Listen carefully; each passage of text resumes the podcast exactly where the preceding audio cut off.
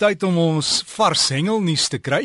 Weet nie waar die lyne nat gaan maak gemaak word nie by Gawie Strydom en Gawie, ek weet nie die volmaan het dit enige invloed op die hengelwaters. Absoluut Derek, jy weet, ek dink hengel gaan als gepaard met die maan en as jy van die maan praat, dan is dit nie net ouens wat geplaas met die maan nie, dit gaan ook oor die winde. Dit gaan also in verband met die verhouding van die son en die aarde en die maan, hoe lê hulle teenoor mekaar?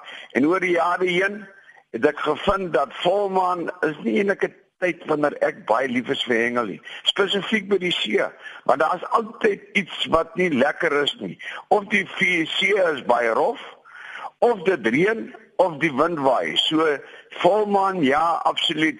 Ek is nie 'n groot liefhebber van volmaan nie. Daar's mense wat met my gaan verskil, maar dit is seker heeltemal goed en reg so. En so terloops ek wil daarom sê môre dit gaan seker baie goed en lekker môre ook aan almal van julle wat nog aan die bed lê. Ek wil net sê ek is terug daar van Hartenbos se wêreld af waar ek so lekker gekuier met my broer Okkie en ons het natuurlik ons laaste hengeldag wat ons kon saam spandeer weer gaan hengel by my groot word plekke daar tussen Hartenbos en Kleinbrak rivier. Nou ja, snaaks sê my ou vriend Henny vir my dis nou in die klein daarvan George, hy sê man as jy gaan hengel en jou eerste vis wat jy vang, jy vang 'n wille perd. Moet jy jou gery op pak en bymekaar maak en huis toe gaan want jy gaan niks meer verder vang nie. Nee, ek wil net sê en sê ek het toe met my eerste gooi toe wel 'n perd gevang. Pragtige mooi vis en ons het hom weer teruggesit in die water. Die tweede gooi toe vang ek 'n baie mooi kolster. Ek het die ook toe teruggesit in die water gesit. En Henny met my derde gooi het ek 'n galjoen gevang. Hy was toe nou die regte maat gewees. Ek het hom lekker op die kolle gebraai. So ek het dit ook net verkeerd bewys. Soos die maan en die wind en al die goede en elkeen sy storie het, so kan alles ook verkeerd bewys word. Maar ek wil net sê die manne van Nysna wat vandag hulle galjoen daar weet, die NG Kerk daar, die van julle wat nou nog nie ingeskryf het nie. Asseblief As jy net vandag gou gaan joentjie vang en jy kyk hom in die oë, sit hom maar weer terug want as jy nie ingeskryf het nie, gaan jy 'n gewellige groot prys mis. En van die wat van julle wat nou die hele jaar glad nie tieners betaal het nie, gaan koop sommer 10 kaartjies en skryf dan nou hoop jy vang niks en volgende jaar vang jy baie. Doen jou dinge gaan maak jou bydrae daar waar dit nodig is. Dan wil ek net sê, en nie sê vir my nog steeds is die water nie so baie lekker nie. Dis rof en die mekaar en daai eerste brander agter staan nog steeds op baie plekke daar in die kus en dan val hy neer. En as ek van dit praat dan dink ek sommer aan die boek wat geskryf is deur Nikki Lourens. Hy praat van die hengelpret van Witstrand tot by Plet. Nou as jy wil weet van winde En wat is die invloed van verskillende winde in daai omgewing van Witstrand tot by Plet? Wil ek net sê ek dink Nikki het 'n pragtige boek geskryf daar. Baie geluk aan hom, seker al 'n geruime tyd op die rak, maar ek het dit vir my aangeskaf en ek vind dit baie interessant hoe op verskillende hengelplekke hy al die dinge in detail bespreek en wat se tipe aas en waar jy moet gooi en na wat jy moet oplet, waar jy meer sinkers gaan verloor en waar minder en wanneer kan jy sommer met watter gety al die sinkers wat jy so verloor het weer gaan optel. Gaan kry vir jou gerus daai boek, ek beveel hom baie sterk aan, dan sal jy sommer sien wat maak wind aan hengel. Nou ja, sommer so terug na Kleinbrak na Hardenbos toe. Ek wil net vir daai manne sê dankie dat julle die rotse so opgevoeter het oor die afgelope 30 jaar.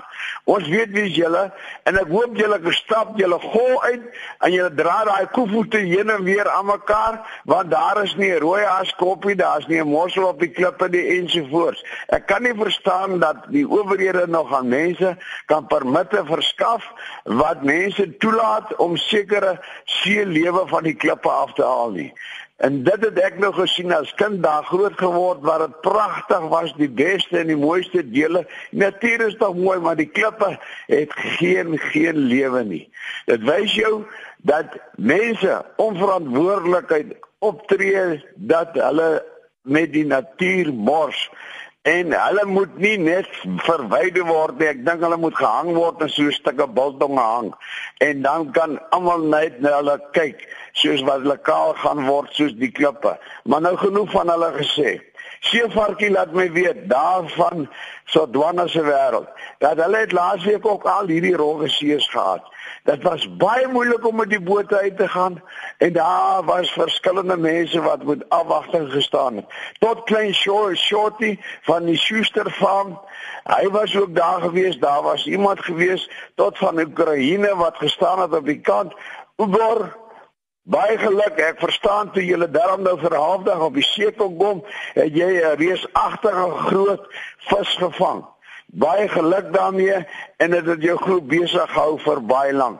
Dit is natuurlik 'n shorty wat op die ander boot was saam met Johan. Hy het natuurlik toe nou probeer 'n marlyn vang, gryp hy die aas en na baie lank groot geveg met 'n bietjie hulp want hoe sal shorty nou 130 pond dik lyn met 'n vreese reuse vis aan die voorkant kan vashou.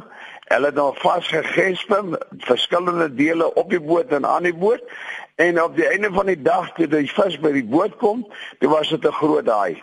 En so plus minus 5 6 meter van die boot af kom daar 'n reuse haai en gryp die haai en vat vir hom heeltemal middel 2 dwars deur.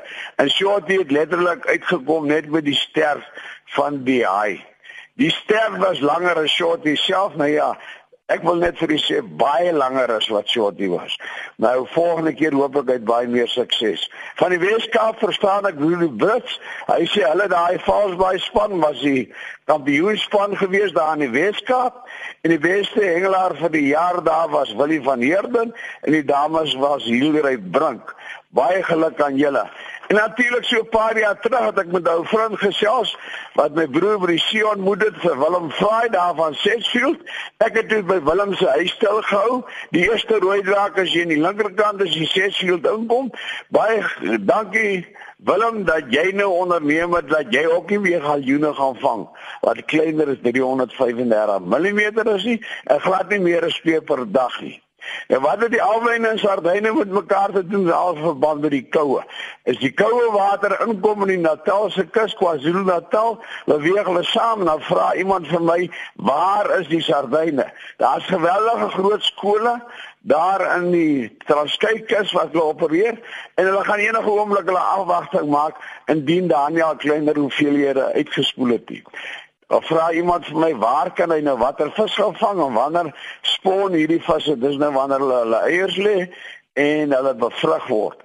Dis nou swartbaar, geelvis, karp, moddervis en babers. My ondervinding is is natuurlik natuurlik gebeur dit in Oktober maand en hierdie tyd van die jaar is die beste tyd om karp te hengel en babers te hengel. Want geelvis, dit gaan alles oor watertemperatuur en swartbaars uit die aard van die saak ook. Ek sê nie jy sal hulle vang nie want hulle moet ook eet, maar hulle is met die beluste met die koue is van so aard dat hulle nie baie aktief is nie. As te ware is 'n boek van hengelkluitjies en vissous. Die skenker het vir my so 'n pragtige boek. Ek het nêrens die naam van die persoon as hy vanmôre luister moet hy my asseblief kontak en sy besonderhede stuur want daar is soveel baie mooi dinge oor hengelmaniere wat ek graag in die volgende paar weke met u wil beantwoord. Ek sê graag vanmôre 'n bietjie daaroor oor gesels, maar ek dink ek hou dit oor vir later en ek wil jou sê Derrick, 'n heerlike ontbyt vir julle verder. Lekker lê in die bed en die manne wat braaf genoeg is om uit te gaan, ek hoop jy vang 'n vis so groot dat jy nie hoef verleen te vertel daaroor nie. Liefde groete Gawie. So Gawie, selfs daar by jou bly maar lekker warm en ja, as jy 'n groot uitgetrek het en is nou nie 'n leeu nie, dan kan jy seker maar vir Gawie e-pos vir hom die foto stuur. Sy e-pos is gawievis. Jy skryf dit aan mekaar, gawievis by gmail.com.